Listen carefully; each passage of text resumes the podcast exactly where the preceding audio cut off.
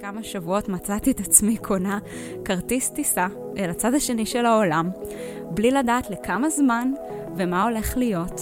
אה, ידעתי שמדובר בתקופת ניסיון של כמה שבועות, אה, שגם חשוב לציין, זה היה בהתנדבות. אה, Press the radio button. Radio, radio, radio היי, hey, אתם על רדיו בטן. אני יהודית אשר.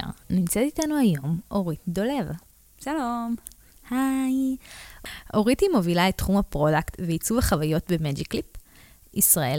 אורית, זה נשמע סופר מעניין, התפקיד שלך. והאמת שבאופן כללי Magic Leap, אה, כל מה שקשור ל mixed reality, זה מגניב אה, באופן כללי. אז בעצם מה זה mixed reality? כן, אז ב Magic Leap אנחנו מפתחים אה, משקפי mixed reality. מה שהם בעצם אה, עושים זה שברגע שאת שמה את המשקפיים שלנו על הראש שלך, את רואה את העולם הפיזי, אבל את רואה גם שכבה נוספת על גביו. והשכבה הזו היא לא רק אה, מסכים, אה, לא יודעת מה, מרחפים אה, בשמיים, ממש ממש לא, אלא להפך, זה תוכן תלת-ממדי שמתייחס לחלל הפיזי שבו את נמצאת. אז אם לדוגמה, יש לי איזשהו כדור וירטואלי, ואני משיתה את היד קדימה. יכול להיות שהכדור הזה, הוא יכול להתיישב לי על היד הפיזית. אני מזכירה, הכדור הוא וירטואלי, והוא mm-hmm. יודע לזהות שיש לו יד פיזית oh. לפניו. לא רק זה, כשאני נניח אזיז את היד, הכדור ייפול למטה. הוא יפגע בכיסא, אם אני יושבת על כיסא, ויתגלגל על הרצפה. כלומר, חוקי, חוקי הפיזיקה אה, תקפים לגביו, במידה והחלטתי ככה לתכנת אותו מראש.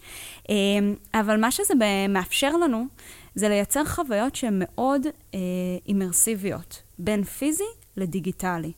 תוכן דיגיטלי הוא מתייחס למה שקורה בחלל הפיזי, אה, לא רק בצורה מאוד תלת-ממדית, אלא גם אה, בצורה שמתייחסת לרצפה, אה, לקירות. ואפילו ממש לאינטראקציה ביני לבינך. הוא יודע לזהות לאן אה, אני מתבוננת, ואיפה אני נמצאת ביחס לדברים בחלל. אה, וככה הוא מייצר איזושהי חוויה שהיא קצת אה, דמיונית, הייתי אומרת, אולי אפילו לקוחה מאיזשהו סרט, אה, אבל ככה כל חלל בעצם יכול להפוך להיות חלל יהודי.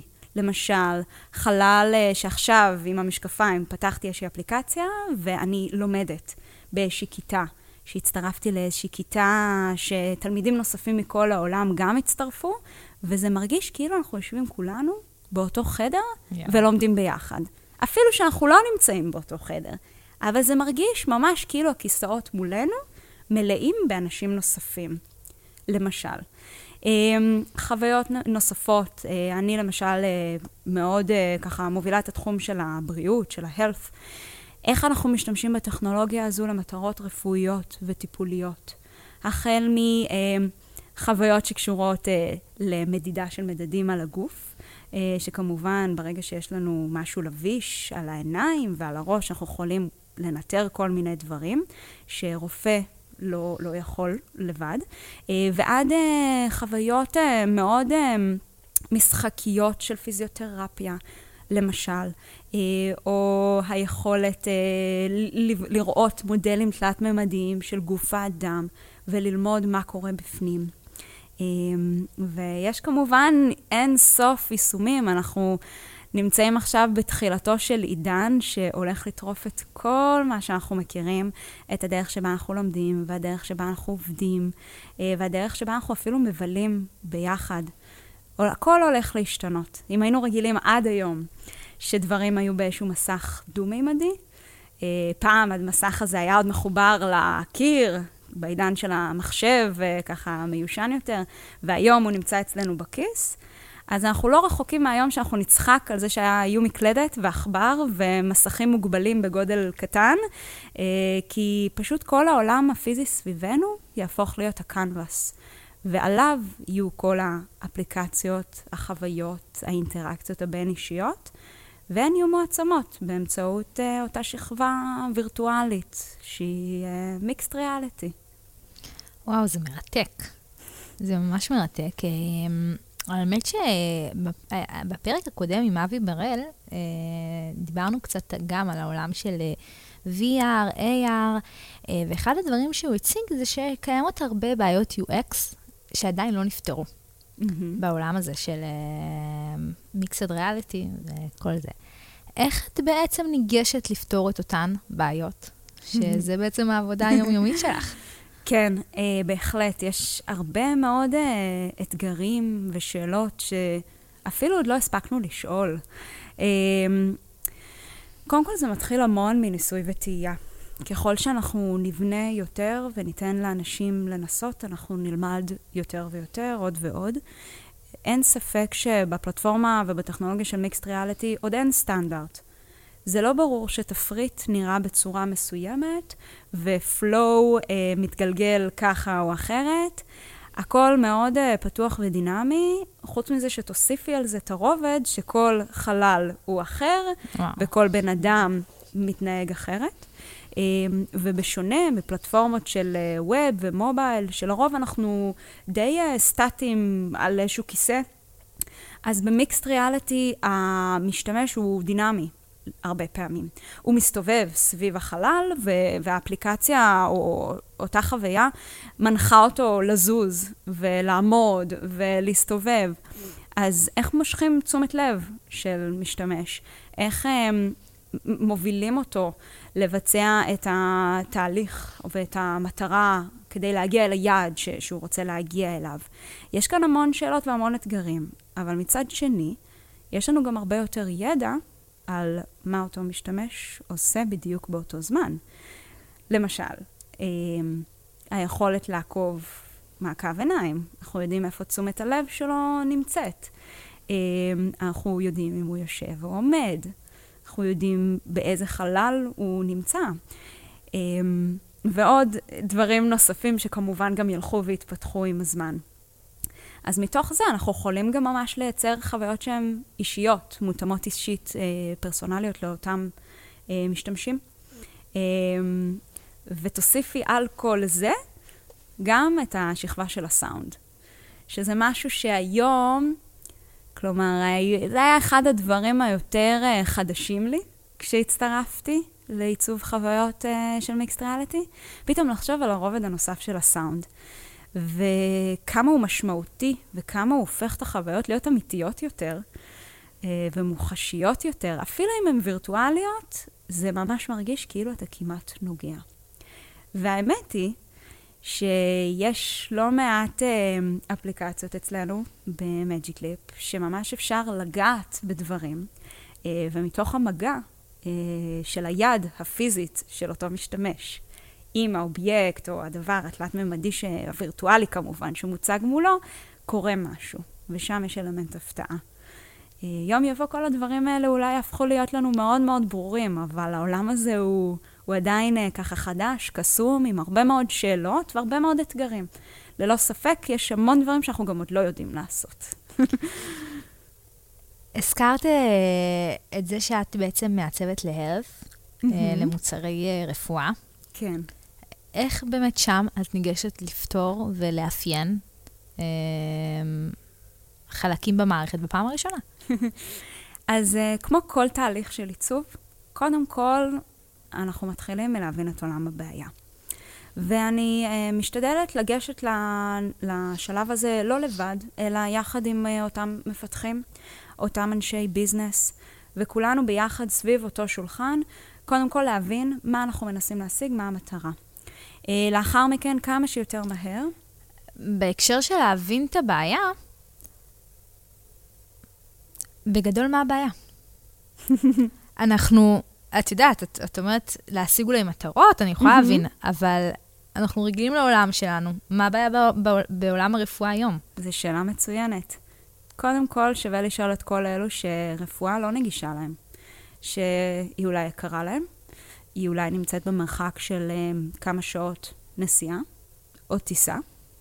Um, אז בראש ובראשונה זה איזושהי דמוקרטיזציה או הנגשה של שירותי רפואה. שדברים שהיום את צריכה להגיע לאיזשהו מקום פיזי, שיש בו מכשור גדול ויקר, עם אנשי מקצוע מומחים, ורק שם לעבור את אותה בדיקה או אותו טיפול. יום יבוא הדברים האלה יהיו נגישים אולי אפילו אצלך בבית, במרחק של כמה שניות. אז זה דבר אחד. הדבר הנוסף, וזה הרבה אנשי מקצוע גם יכולים להעיד, שאנחנו יודעים הרבה על גוף האדם מתוך ה... מה שאנחנו רואים מבחוץ, אבל בפנים קורים המון דברים. והיום אנחנו מסתכלים הרבה פעמים על מה שקורה בתוך גוף האדם דרך תמונות דו-מימדיות, שלא תמיד הם בהכרח מה שקורה אצל אותו פציינט ספציפי, אלא פשוט משהו מתוך מאגר ידע רחב של מגוון של אנשים. ולהפך, אנחנו יכולים להנגיש את זה בצורה תלת-ממדית, בקונטקסט לאותו מטופל. ובקיצור, לאפשר לאותם בעלי מקצוע לבצע מהלכים רפואיים שיהיו הרבה יותר מדויקים, הרבה יותר מותאמים אישית, שמקצרים זמן של תהליכים וגם חוסכים כסף.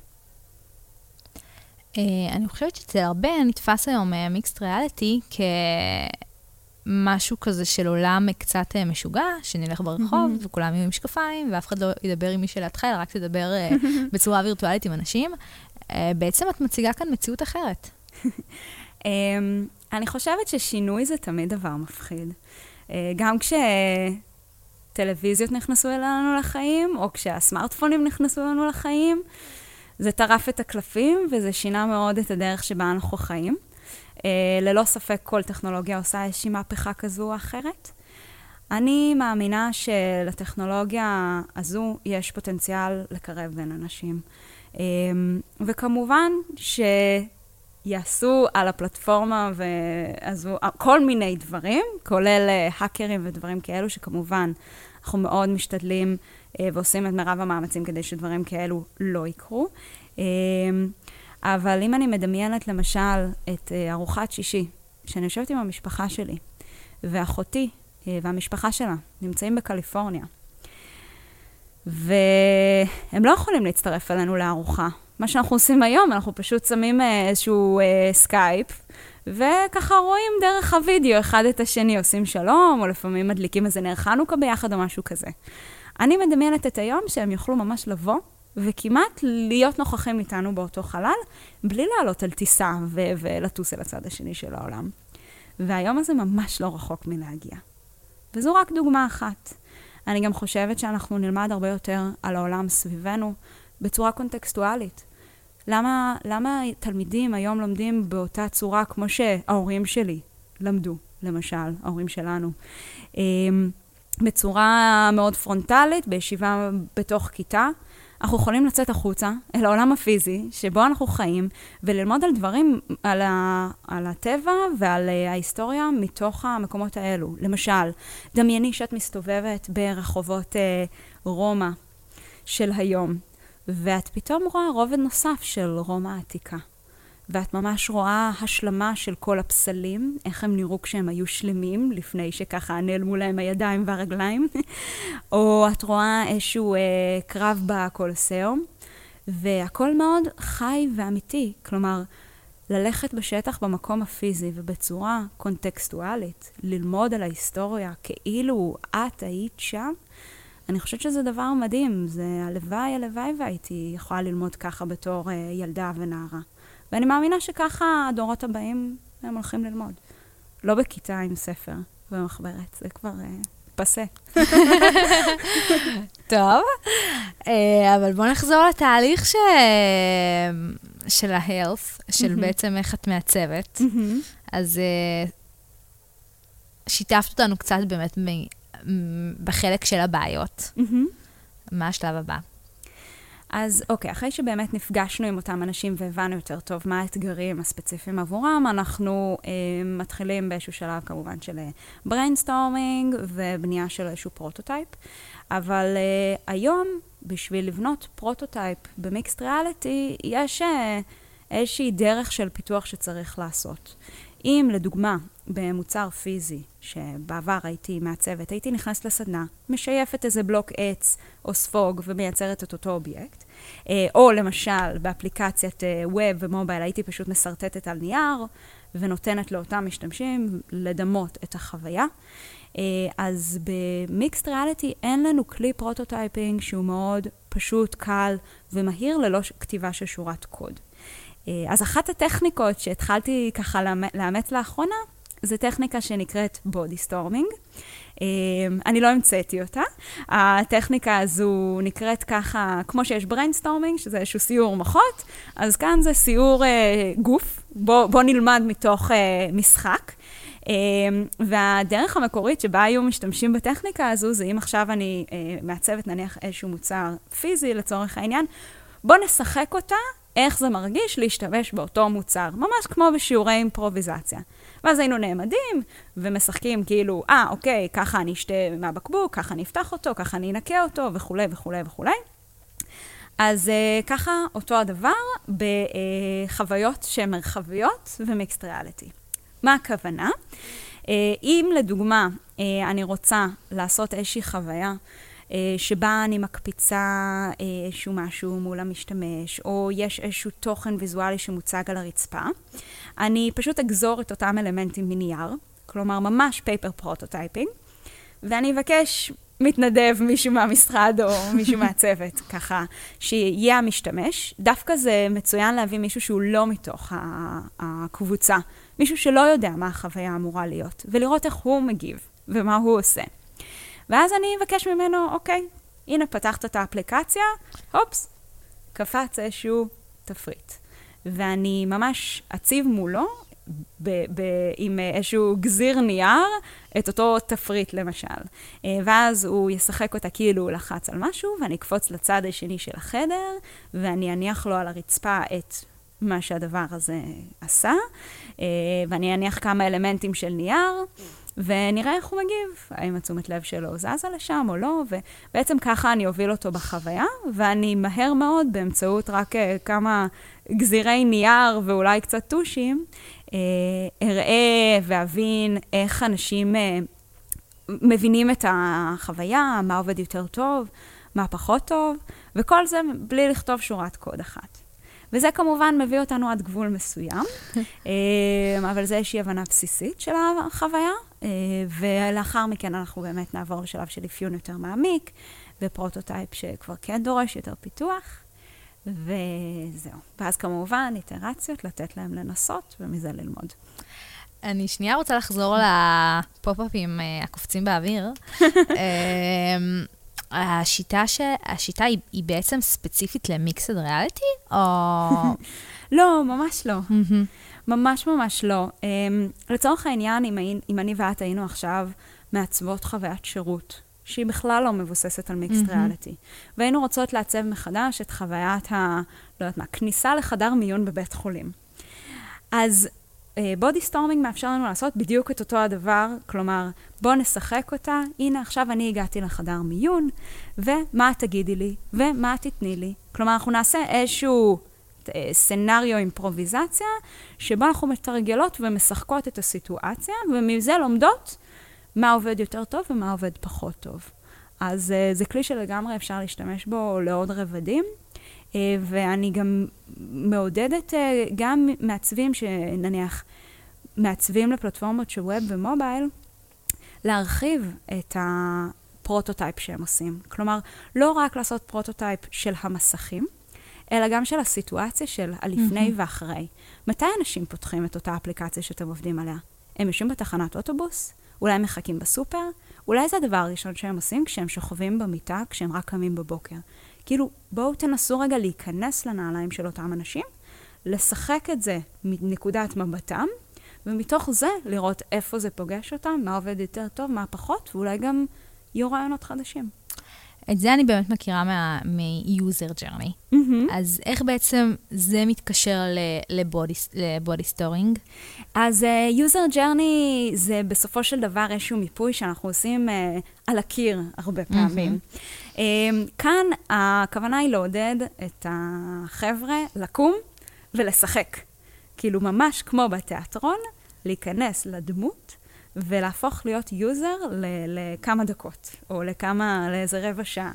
וממש לחוות את מה שהם חווים בצורה הכי אימרסיבית שיש. איך התמודדת עם הציניות של העובדים במשרד? רק שתדעי שחבר'ה מתים על זה. אה, בעיקר אה, חבר'ה של אה, פיתוח, בעיקר מנהלים, מנכ"לים. זה, זה ככה רגעים מאוד משמחים ביום שלהם, שפתאום, קודם כל, זה קצת שונה מהלו"ז הרגיל, אבל גם אפשר רגע לדמיין מה החוויה מה אנחנו רוצים לעשות, מה אנחנו מנסים להשיג, אה, ולכולם יש רעיונות, ולכולם יש מחשבות, וגם בהרבה מאוד מקרים כולנו יוזרים אה, בסופו של דבר. כלומר, תלוי איזה חוויה מעצבים, אבל אה, הרבה פעמים, כן. את יכולה לתת איזושהי דוגמה מעשית לאיך באמת body storming פתר לך את הבעיה? אני לא יכולה להיכנס ליותר מדי פרטים לגבי הפרויקטים שעליהם אנחנו עובדים. אבל אני יכולה להגיד שלצורך העניין עבדנו לא מעט על הנושא הזה של איך מפנים את תשומת הלב, או איך מושכים את תשומת הלב של ה user, כאשר מידע מסוים או פעולה מסוימת נמצאת עכשיו מאחוריו. Mm-hmm. בגלל שזה משהו מרחבי, אז לפעמים אנחנו צריכים למשוך תשומת לב לכיוון שהוא לא בהכרח הכי אה, ברור. אה, השאלה היא, האם אנחנו מזיזים את התוכן שהוא תמיד יעמוד מול אנשים, בפנים שלהם? אני לא יודעת. אולי לפעמים כן, אולי לפעמים לא.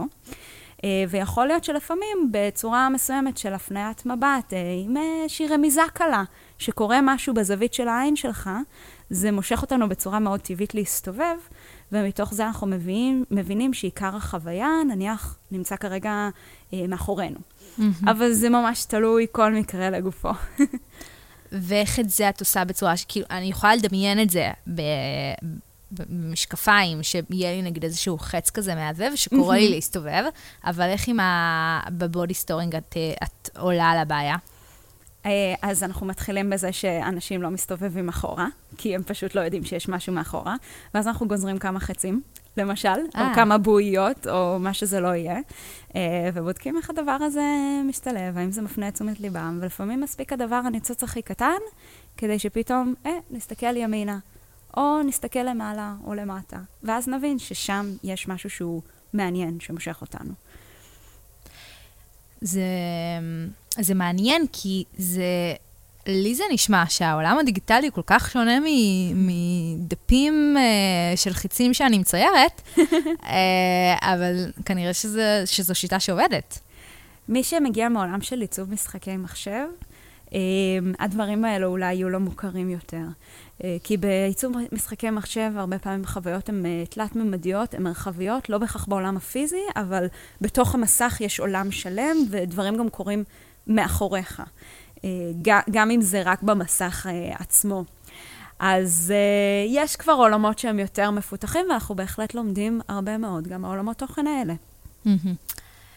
אוקיי, אז, אז יצרתם איזשהו body storming ומצאתם את הפתרון לזה? מה, מה, איך בעצם השלב הבא שאת ניגשת, מעצבת את זה ב Sketch, בכל תוכנה שהיא?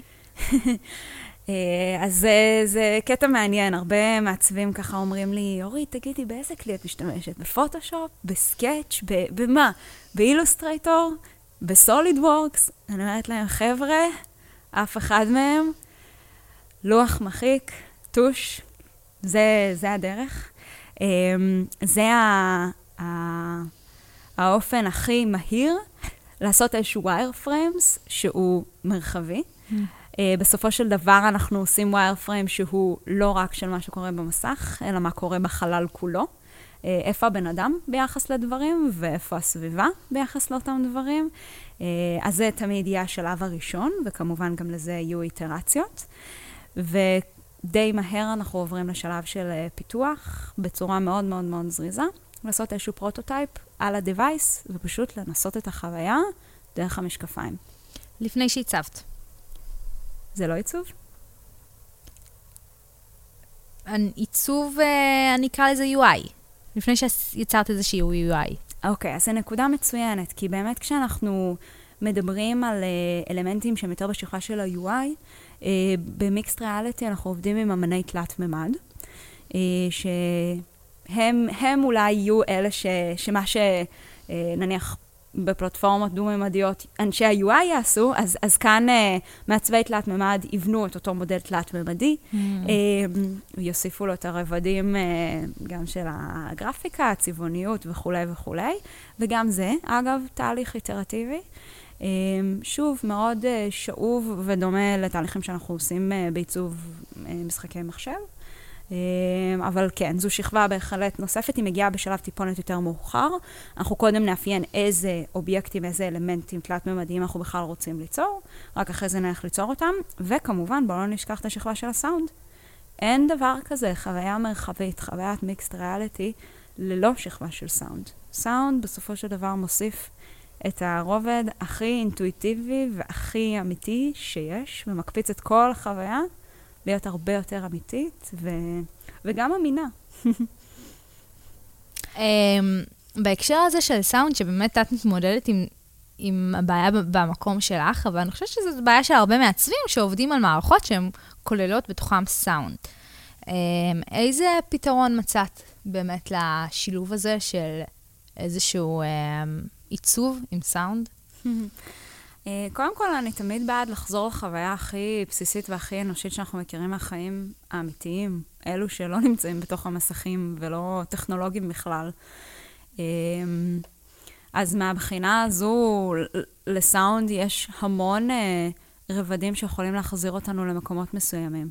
נניח אפילו צלצול של דינג, או בונג, או דינג, כאילו כל אחד מהצלילים האלה מחזיר אותנו לאיזושהי סיטואציה אחרת בחיים, יש uh, שעון מעורר, שזה צפצוף מסוים, ויש צפצוף של מיקרוגל, ויש, uh, בקיצור, שלל של צפצופים רק תחת קטגוריה ספציפית. Uh, ככל שאנחנו נעמיק ובאמת נוסיף עוד רובד כזה ונדייק אותו, אז אנחנו נייצר חוויות שהן פשוט הרבה יותר אינטואיטיביות, הרבה יותר מוכרות לנו מהעולם הפיזי והמוכר. כן, אבל לפעמים דווקא הצלילים מסיחים את הדעת של המשתמש, ואולי יוצרים כאן עוד איזושהי מורכבות בתוך מערכת. כן, בהחלט. אה, לא תמיד יהיה נכון לשלב בהכרח סאונד, אבל לפעמים סאונד הוא יכול לתת לנו אה, להעביר איזשהו מסר בצורה שהיא לא אה, ויזואלית. למשל, איזשהו סאונד שמאשר שהלחיצה התקבלה. למשל, שבאמת הדבר בוצע, אישור לפעולה, או להפך, פסילה של איזשהו מצב.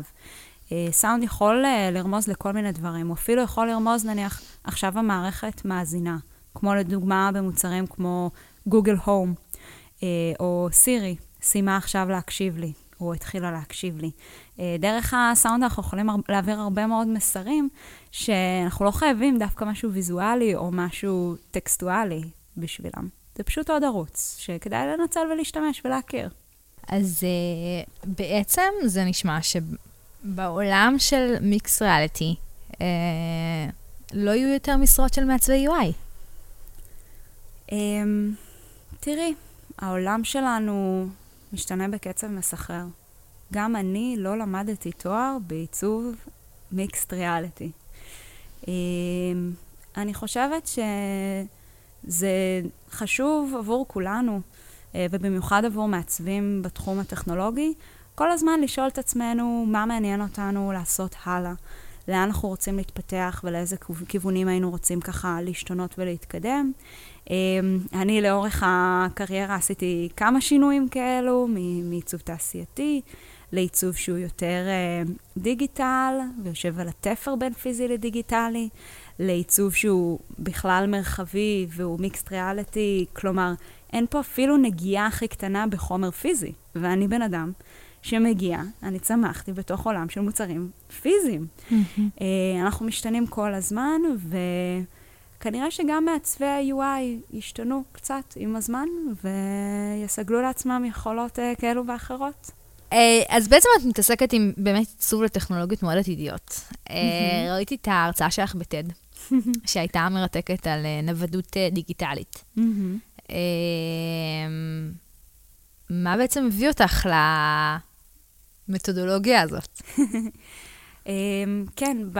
האמת שתתני קצת רקע למי שלא ראה אולי את ההרצאה. כן, אז אמ, באמת אני מדברת שם על אה, עתיד שבו נוכל לחיות חיים בהם, בהם אין בבעלותנו שום דבר, אבל בעצם יהיה לנו הכל. באנגלית זה נשמע קצת יותר טוב, אה, own nothing, have everything. כלומר, מציאות שבה אין לי בית שהוא בבעלותי, אין לי מכונית שהיא בבעלותי. להפך, הכל הופך להיות מודל של שירותים דיגיטליים. אני לא חייבת להתחייב עכשיו לבית ספציפי שבו אני אגור. Uh, אני אוכל לעבור uh, לבית ככל שהמשפחה שלי תתרחב, או אם אנחנו נחליט לנדוד לאיזשהו מקום אחר בעולם, למשל. Uh, ועוד כמה צעדים קדימה, אולי לא יהיו לי בגדים בבעלותי, uh, אולי בכלל לא יהיה לי מטבח, וכל הדרך שבה אני אצרוך אוכל תהיה בצורה אחרת, תהיה מאוד פרסונלית, מותאמת אישית לצרכים שלי. אמ, אני אדפיס שמלה בתלת מימד, כי יהיה לי איזשהו אירוע מעניין, או נעל מותאמת אישית, לפי הסריקה התלת-ממדית של הרגל שלי. וברגע שהאירוע יסתיים, אני אוכל פשוט לזרוק את זה לפח מחזור, והחומר יחזור להיות אה, בצורה הטבעית שלו. אה, ובעצם אה, יוכל אה, ליצור משהו למישהו אחר.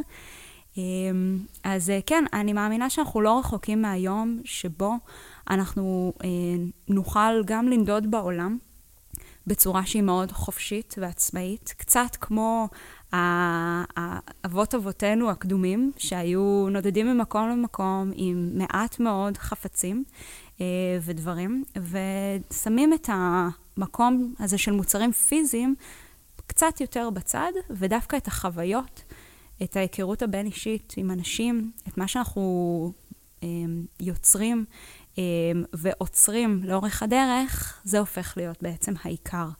ואנחנו ממש לא רחוקים מה... מה אה, אולי החזון הקצת מוזר או מוטרף הזה. אה, אם נסתכל כמה שנים אחורה, לכולנו היו אלבומי תמונות פיזיים. כל האלבומים האלו היו ככה מונחים אה, סביבנו על המדפים. ועם הזמן, כל התמונות, כל הסרטים שלנו, כל הספרים שלנו, שהיו אובייקטים פיזיים, פשוט ככה נשאבו והפכו להיות איזשהו מנוי או שירות דיגיטלי. ובמקום שאני אצטרך לבחור אה, ספרים אה, ספציפיים, יש להם גישה לאינסוף ספרים ולאינסוף תוכניות וערוצים. אה, באמת זה הפך להיות נגיש לכל, מכל מקום ובכל זמן, ומי יודע, אולי גם שירותי החינוך, לדוגמה.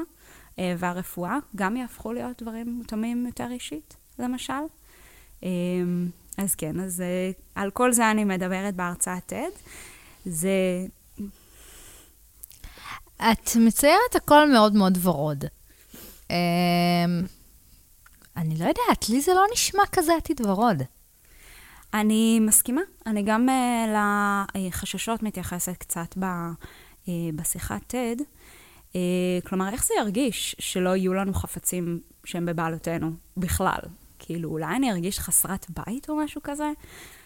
האם זה יהפוך אותנו להיות קרים ומנוכרים? מה, מה יהיו היחסים החברתיים שלנו, החיי חברה? אה, ללא ספק העתיד הזה הוא מעלה הרבה מאוד שאלות. אבל דווקא יש פה גם הזדמנויות. כלומר, במקום שערים יהפכו להיות אה, דבר מאוד אה, צפוף ודיור יהיה דבר מאוד יקר.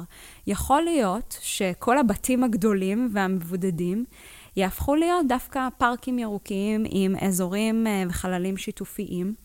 אה, הדירות אולי יהיו יותר קטנות, אבל אנחנו דווקא נבלה במרחבים משותפים הרבה יותר ביחד. במקום שאני אסע באוטו שלי ואת תיסעי באוטו שלך, לא יהיה לנו כבר מכונית פרטית ואנחנו ניסע באיזושהי תחבורה שיתופית ביחד. אני חושבת שדווקא יש הרבה פוטנציאל בליצור עתיד שהוא הרבה יותר שיתופי ממה שיש לנו היום. ואנחנו כבר רואים ניצנים של הדברים האלה והרעיונות האלה, אה, ממש כאן ב- ב- בארץ. אמ, אורית, את שיתפת באמת באתגרים. שיש, האתגרים ה-UXים שיש בכל העולם הזה של המצעד ריאליטי. אמ, תוכלי לשתף אותנו באיזשהו כישלון שהלך במהלך הקריירה, באיזשהו ניסיון, הנחה שהנחתם, שבסוף כל מה שעשיתם לא ממש עבד טוב? אני יכולה לדבר על כישלון אישי שלי.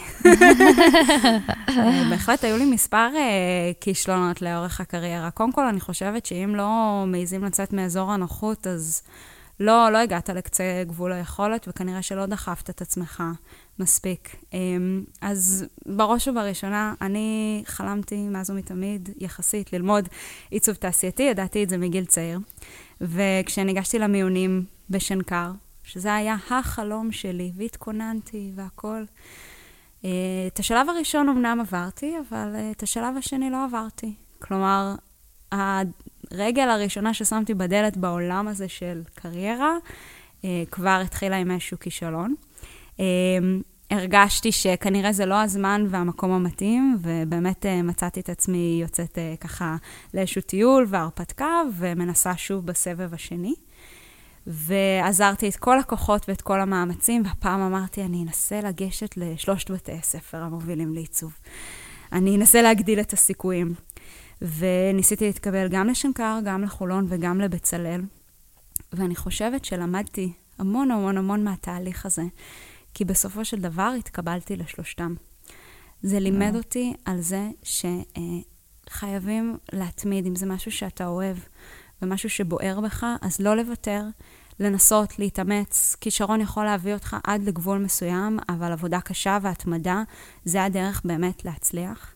אה, וזה היה רק איזשהו חלקיק קטן אה, בתחילת הלימודים. אה, מאוחר יותר קרה לי סיפור דומה. רציתי להתקבל לאיזושהי התמחות קיץ בחו"ל, חשבתי שזו תהיה הרפתקה מעניינת, קצת לחוות משהו בעולם הגלובלי. שלחתי תיקי עבודות למשהו כמו 30 או 40 סטודיואים. חצי מהם uh, ענו לי שלא, חצי מהם לא ענו לי עד היום.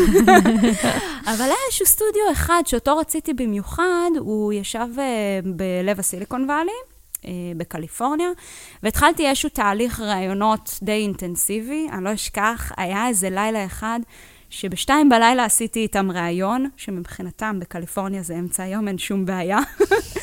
אה, עשיתי ככה עוד תהליך ועוד תהליך, ובסופו של דבר לא התקבלתי.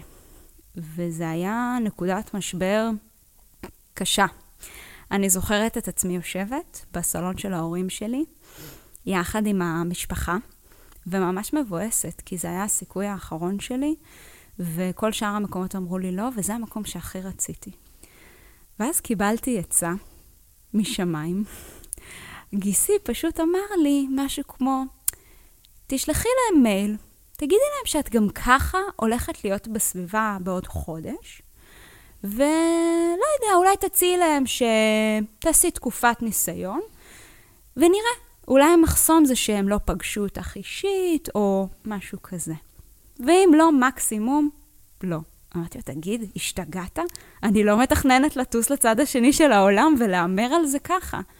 היה לי, תשלחי, תראי איך זה יתגלגל. בקיצור, העצה המשוגעת הזו אמ, הפכה להיות אחת העצות הכי מדהימות שקיבלתי בחיים שלי. באמת ככה כתבתי להם, הסברתי להם שאני מעוניינת לבוא, אה, ללמוד, אה, ללמוד לבוא, להיות איתם, לעבוד איתם וללמוד מתוך העשייה. וזה לא עניין של כסף, זה לא העניין הזה בכלל, זה פשוט הזכות להיות חלק מהתהליך של הלמידה איתם. אה, הם ענו לי, ובקיצור, מפה לשם, אחרי כמה שבועות, מצאתי את עצמי קונה כרטיס טיסה אל הצד השני של העולם, בלי לדעת לכמה זמן ומה הולך להיות. אה, ידעתי שמדובר בתקופת ניסיון של כמה שבועות, שגם חשוב לציין, זה היה בהתנדבות. וזהו, הגעתי לשם, התייצבתי, ובאמת אחרי כמה שבועות הם הכניסו אותי לחדר, ואני לא אשכח את זה. הם העבירו לי דפים על השולחן, חוזה, והם אמרו לי, אורית, כשאנחנו שמענו שאת עד כדי כך נלהבת להיות חלק, כי את רוצה ללמוד, כי את רוצה להיות חלק מהעשייה, אמרנו, את הבן אדם הזה אנחנו חייבים לפגוש. ובאמת, מאז שהגעת, וזה היה חיבור מאוד גדול, ובקיצור, ככה אה, הם הציעו לי להישאר אה, כעובדת במשרה מלאה. מצאתי את עצמי אה, טסה למה שהיה חודש-חודשיים בהתחלה, ונשארת תקופה של משהו כמו שנה וחצי. זו הייתה קפיצת קריירה הכי מטורפת שבכלל לא יכולתי לדמיין, לעבוד עם לקוחות בינלאומיים כמו לוג'יטק ו-BMW ונספרסו, ובאמת פרויקטים הכי מתקדמים מבחינה טכנולוגית, וזכות גדולה גם להוביל פרויקטים ולהציג אותם למנכ"לים שם, ואני מאוד אסירה תודה על התקופה שהייתה. מה שזה לימד אותי זה לצאת מאזור הנוחות, לקחת סיכונים. לפעמים צריך פשוט לקחת צ'אנס, כי אתה לא יודע לאן זה יתגלגל, ודבר מוביל לדבר. אז אה, זהו, אני עד היום לא מאמינה שעשיתי את זה. יואו, זה אומץ, אה, זה אומץ. לא יודעת איך זה קרה. היית בלי ניסיון? זה היה בתקופה בין שנה ג' לד', אז לא, ממש לא היה לי ניסיון. היה לי, הייתה לי תקופה מאוד מאוד קצרה שעבדתי עם איזשהו סטארט-אפ, אה, אבל ממש ניסיון מעשי לא, זה היה מאוד מבוסס על תקופת הלימודים, ואני חושבת שפשוט יצר ההרפתקה אמר לי, יאללה, תארזי מזוודה, יהיה בסדר. מאוד ישראלי. כן. וכמה זמן היית שם? אה, משהו כמו שנה וחצי, ובמשך כל התקופה הזו, אני הרי לא ידעתי שאני הולכת אה, להיות שם כזו תקופה ארוכה. אה, חייתי מתוך מזוודה. עברתי, הבן זוג שלי הצטרף לחלק מהתקופה, ועברנו בין דירות Airbnb, התגלגלנו ככה ממקום למקום, ללא רכב, כלומר, חיי הנוודות זה ממש היה זה. אפילו uh, הייתה תקופה שגרתי בבית האקרים, עם עוד 25 אנשים מכל העולם. והייתה ממש תקופה ככה מיוחדת, יציאה מאזור הנוחות. זה מאוד ליווה אותי גם מאז המשפט של דוקטור סוס, שאם יוצאים, מגיעים למקומות נפלאים. ולא חייבים לצאת רחוק. אפשר לצאת למיטאפים פה בסביבה, ואפשר uh, לפגוש uh, לכוס קפה מישהו שנראה מעניין מאיזה קבוצת פייסבוק מקצועית או משהו. Um, לא, לא צריך לצאת רחוק, אבל כדאי לצאת, כי אתה לא יודע את מי תפגוש ולמה זה יוביל. Uh, מה זה הבית האקרים שהייתם שם?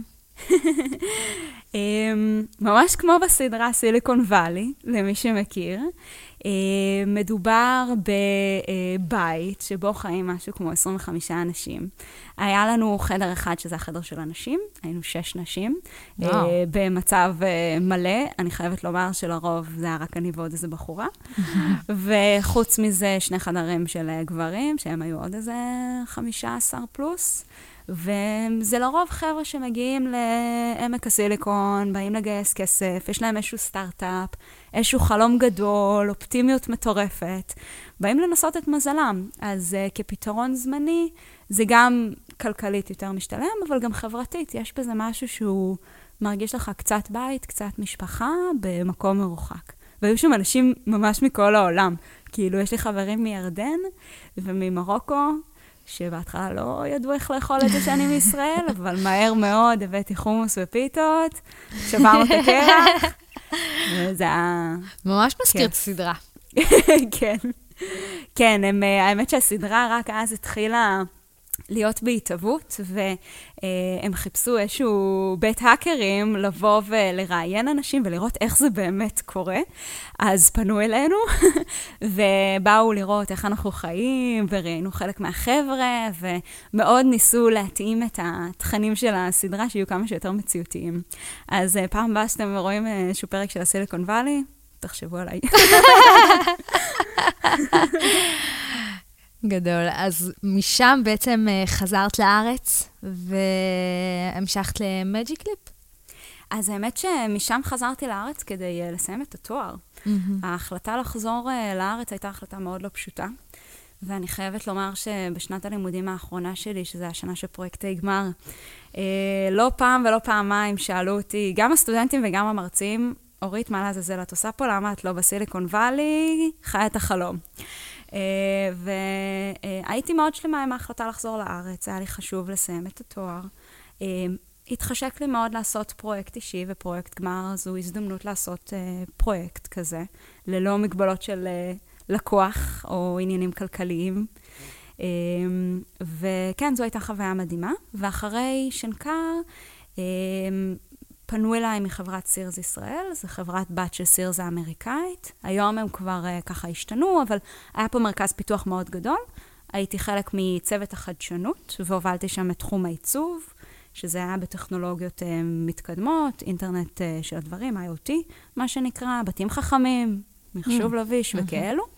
Uh, ואחרי תקופה של משהו כמו שנתיים שם, uh, החלטתי שבא לי לעשות איזושהי תקופה עצמאית. הייתי עצמאית, יעצתי לסטארט-אפים, אה, קצת הסתובבתי בעולם, בכנסים. אה, גם הזמינו אותי להציג אה, ב-South by Southwest, שזה כנס מדהים שקורה באוסטין, טקסס, ממש מומלץ. וגם ככה זה היה מקום לאיזושהי התפתחות אישית ומקצועית שלי, להבין יותר טוב מי אני, מה מעניין אותי לעשות הלאה. ובאמת, בהמשך קיבלתי טלפון ממג'יק ליפ, ואני זוכרת את הפרפרים בבטן שהיו לי אז. כבר הכרתי את מג'יק ליפ כחברה, ומאוד uh, סקרן אותי לדעת מה הם עושים בארץ. uh, וזהו, מאז uh, ככה דברים התגלגלו, ואני שם. אז אורית, תודה רבה שהיית איתנו כאן היום. תודה רבה, תודה רבה שהזמנת אותי. תודה לכם, המאזינים שהקשבתם עד עכשיו. אמ, אתם אה, מוזמנים לדף פייסבוק. אה, אורית תהיה לנו זמינה לשבוע של שאלות בקבוצה, שאלת מרואיין, ונשתמע בפרק הבא. ביי.